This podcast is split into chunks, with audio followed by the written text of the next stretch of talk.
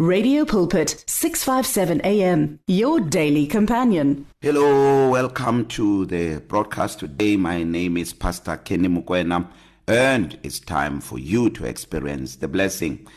We started a conversation last week about the Babylonian system but the focus is actually not on the Babylonian system but on God's financial plan for the last days because God has a financial plan for the last days. So let's start our broadcast with a word of prayer. Father, thank you so much for this opportunity that you have given to us, you know, to sit under the ministry of your word.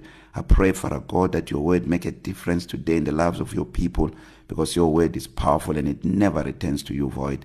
I give you praise, glory, honor, and majesty in Jesus' name. Amen and amen. We are talking about God's financial plan for the last days, focusing on the Babylonian system. The Babylonian system is the system of man, it's a system of the devil apart from God, where men try to, you know, make ends meet uh, or to make a living outside of God. I want to tell you what Jesus said in the book of John chapter 10 verse 10 it has two parts and these two parts we see it everywhere in the scriptures and I want to you to really pay attention to this because this is so important. We need to realize right now the time that we are living in that we cannot provide for ourselves. We cannot do anything for ourselves. We need God now more than ever. We need to depend on God now more than ever. And God wants to, wants to deliver us from a system that is meant to put us in bondage when in actual fact the son of God died on the cross to set us free from bondage. So John 10 10 the first part says the thief does not come. Actually this is Jesus who was speaking here. He says the thief does not come except to kill to steal and to destroy. And then he says but I have come that you may have life in abundance to the full until it overflows. So if you look at this you will see that um uh, it, it it it talks about two parts. We see this also in the book of Romans chapter 8 when we read verse 2 verse 2 tells us that the law of the spirit of life in Christ Jesus has set us free from the law of sin and death. So the law of the spirit of life in Christ Jesus this is where Jesus says I have come that you may have life in abundance to the full until it overflows. But the law of sin and death is the part where Jesus says the thief does not come except to kill to steal and to destroy. So the the the, the first part the devil tries the best he can to deceive people. And that is why right now the scriptures warn us that in the last days so many people are going to be deceived. We are living in the age of deception right now where the devil actually come hidden. So many people don't know that the devil is concealed. That is why if you want to understand the babylonian system how the babylonian system operates so it's it, it uh, uh, the babylonian system uh, uh, comes from mammon. So we have a system and we have the spirit behind the system. So the spirit behind the babylonian system is mammon. It's mammon. And we see mammon also in the book of Matthew 6 verse 24 where Jesus says that you cannot serve no one can serve two masters. He says you will either uh, uh, submit or hate the one or love the other. And then he says this you cannot serve God and mammon. I like what how Jesus uh, puts it. He recognizes two masters. He says no one can serve two masters and underline that word because the the the the, the masters there is very important because people today you either uh, uh, submit to God or submit to mammon. Every person there is no such a thing as uh, you can be in in the middle. Uh, Jesus says you cannot. When he says you cannot it means it is impossible to serve both mammon and serve God. So and this is what our main text that we are using here is speaking about uh, where Jesus in Matthew 6:33 says seek first the kingdom of God and his righteousness and all these things shall be added to you so you will realize that when he talks about Matthew 6:24 where he says no one can serve two masters it's in the same chapter where he concludes this conversation by saying but seek first the kingdom of God and his righteousness and all these things shall be added to you. So it means our priorities in life must be to seek God. And when we seek God, we don't seek God you know through our intellect we seek God through our minds. No we accept Jesus as Lord and Savior of our lives because the Bible tells us in the book of John chapter 14 when you read uh, verse 6 Jesus says I am the way the truth and the life. No one can go to the father except through me or by me. And also the, uh, the apostle Paul told us in the book of First Timothy 2 verse 5 that there is one God and one mediator between God and man the man Christ Jesus. So he is the one that takes us closer to God. Also when you look at uh, Colossians Ephesians 2 verse 13 the bible says but now in Christ Jesus we who are far off has been brought near by the blood of Christ. So the law of the spirit of life in Christ Jesus set us free from the Babylonian system and the Babylonian system is the law of sin and death. It is the spirit that wants to constrain you to keep you so busy so that you don't have time to serve God. Look at look at just look at the state of the church right now where we where we are at.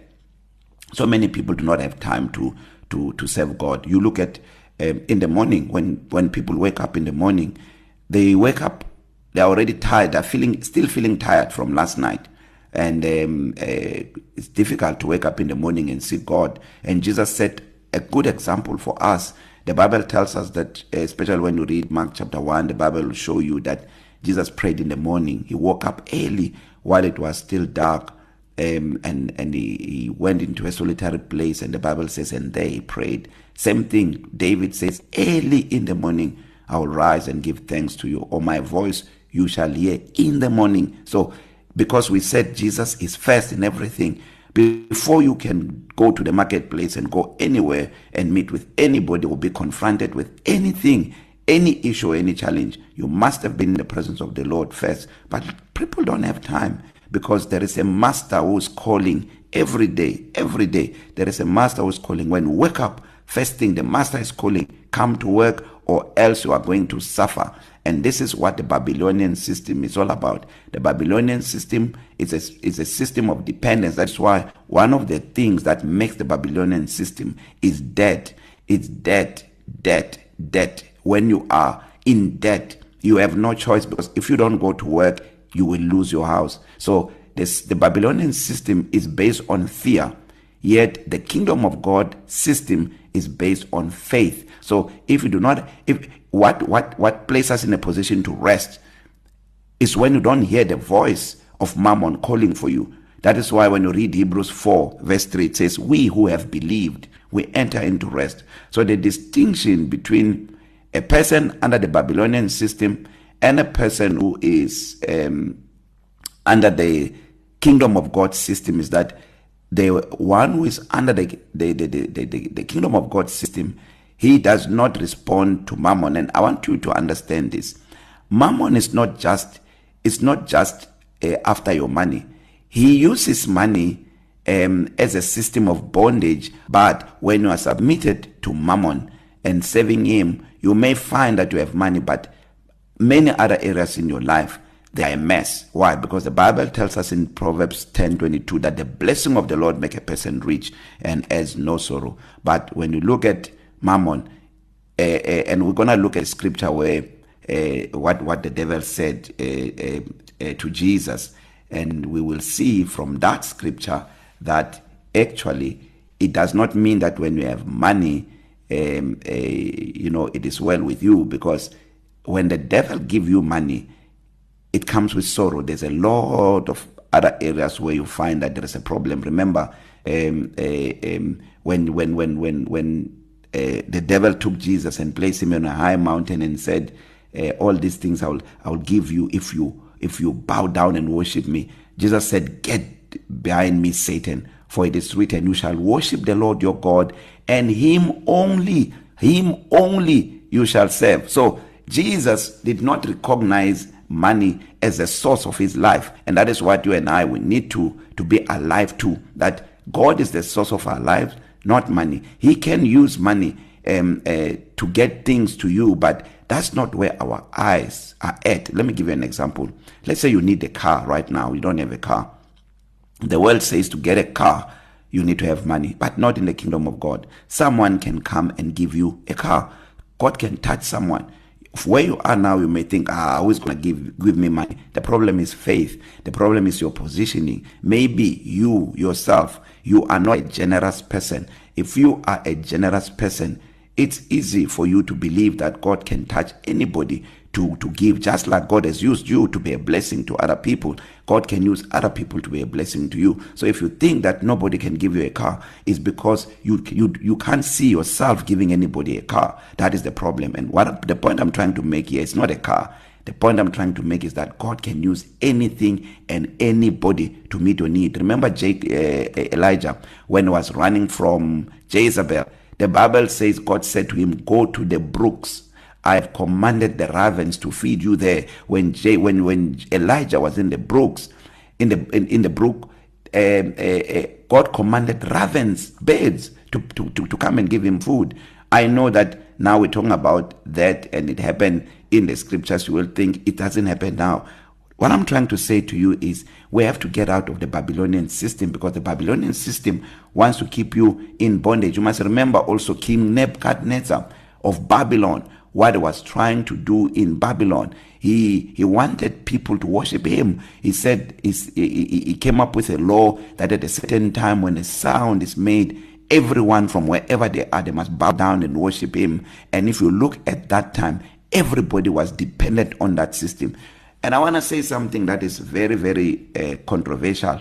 If you look at governments there are certain governments where uh, people in that gov- in in that nation um, uh, they depend on the welfare that is provided for by the government. If you check on people who are in that system once they depend on government it becomes almost impossible from them to break free from that kind of dependence. And it's a babylonian system which is it's it, it, it seeks to meet the needs of people outside of god. Let me tell you we cannot you and I as Christians depend on anybody or anything outside of God. Look at how the tendering system work in every in everywhere everywhere basically. You for you to function in that system you must be corrupt in the sense that um, someone will come and tell you that for you to get this project you must do 1 2 3 it's a babylonian system and it's fueled by by by by by a system of dependence. So you think for I can't get this project unless I am unless I do what they say I must do. So the Babylonian system tell you what you must do. But when it comes to the kingdom of God it's all about faith. That's why first Peter 5 when you read first Peter 5 verse 6 and 7 uh, it says humble yourself under the mighty hand of God that he may exalt you in due time casting all your care upon him because he cares for you. So what does it mean in the scriptures to humble yourself? It means to depend. So God wants us to depend on him. He doesn't want us to depend on an organized system that is opposed to God, an organized system of dependence that excludes God, that is built on lust, that is built on greed, that is built on selfishness. That is why Matthew 6:33 says, "Seek first the kingdom of God and his righteousness, and all these things shall be added." So how do you seek God? You make time for him. You you you you you, you set yourself apart every morning when you wake up before you go into the marketplace before you go into the job you acknowledge God as your source. You set aside time you pray you know you hear from the Lord you appropriate his grace and you serve in your local church. You avail yourself to make a difference to avail yourself as a vessel that God can use you know to to to be a difference in the lives of others. Win souls. The bible says he who wins souls is wise. So be busy with the business of the kingdom of God.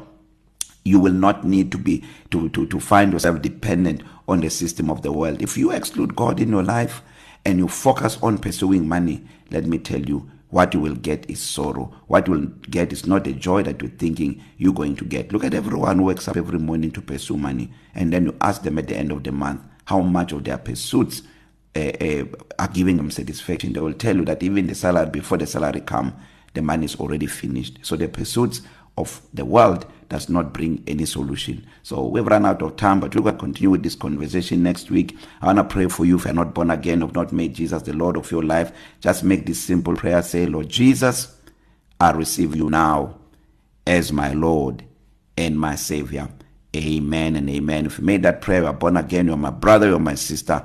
I will see you in heaven. So to request for my free salvation material, just send me a WhatsApp message on plus two seven six six zero six six zero two five zero plus two seven six six zero six six zero two five zero, and I will send it to you right away. God bless you. I love you so much, and may you experience the goodness of the Lord every moment of every day. God bless. We are here 24 hours a day with the message of hope, faith, and love on 657 AM. Radio Pulpit understands that praying alone isn't always easy. So, join us to form a chain of prayer for you and with you. To do so, send in your prayer requests on 067 429 7564. That is 067 429 7564. Or alternatively, email us on prayer at radiopulpit.co.za. That is prayer at radiopulpit.co.za. Tune in to Radio Pulpit on 657 AM for reliable Christian talk radio at its best. Find your daily dose of Christ centered motivation and encouragement on Radio Pulpit 657. Download our app now. Tune in to radiopulpit.co.za or find us on DSTV Audio 882 and OpenView 607. Radio Pulpit, your daily companion for more than 40 years, brings a relevant moral alternative to 400,000 listeners in a variety of South African languages. Follow us on Facebook, Instagram, and Twitter, and download our podcasts today. You and 657 AM and life, a winning team on the road to eternity.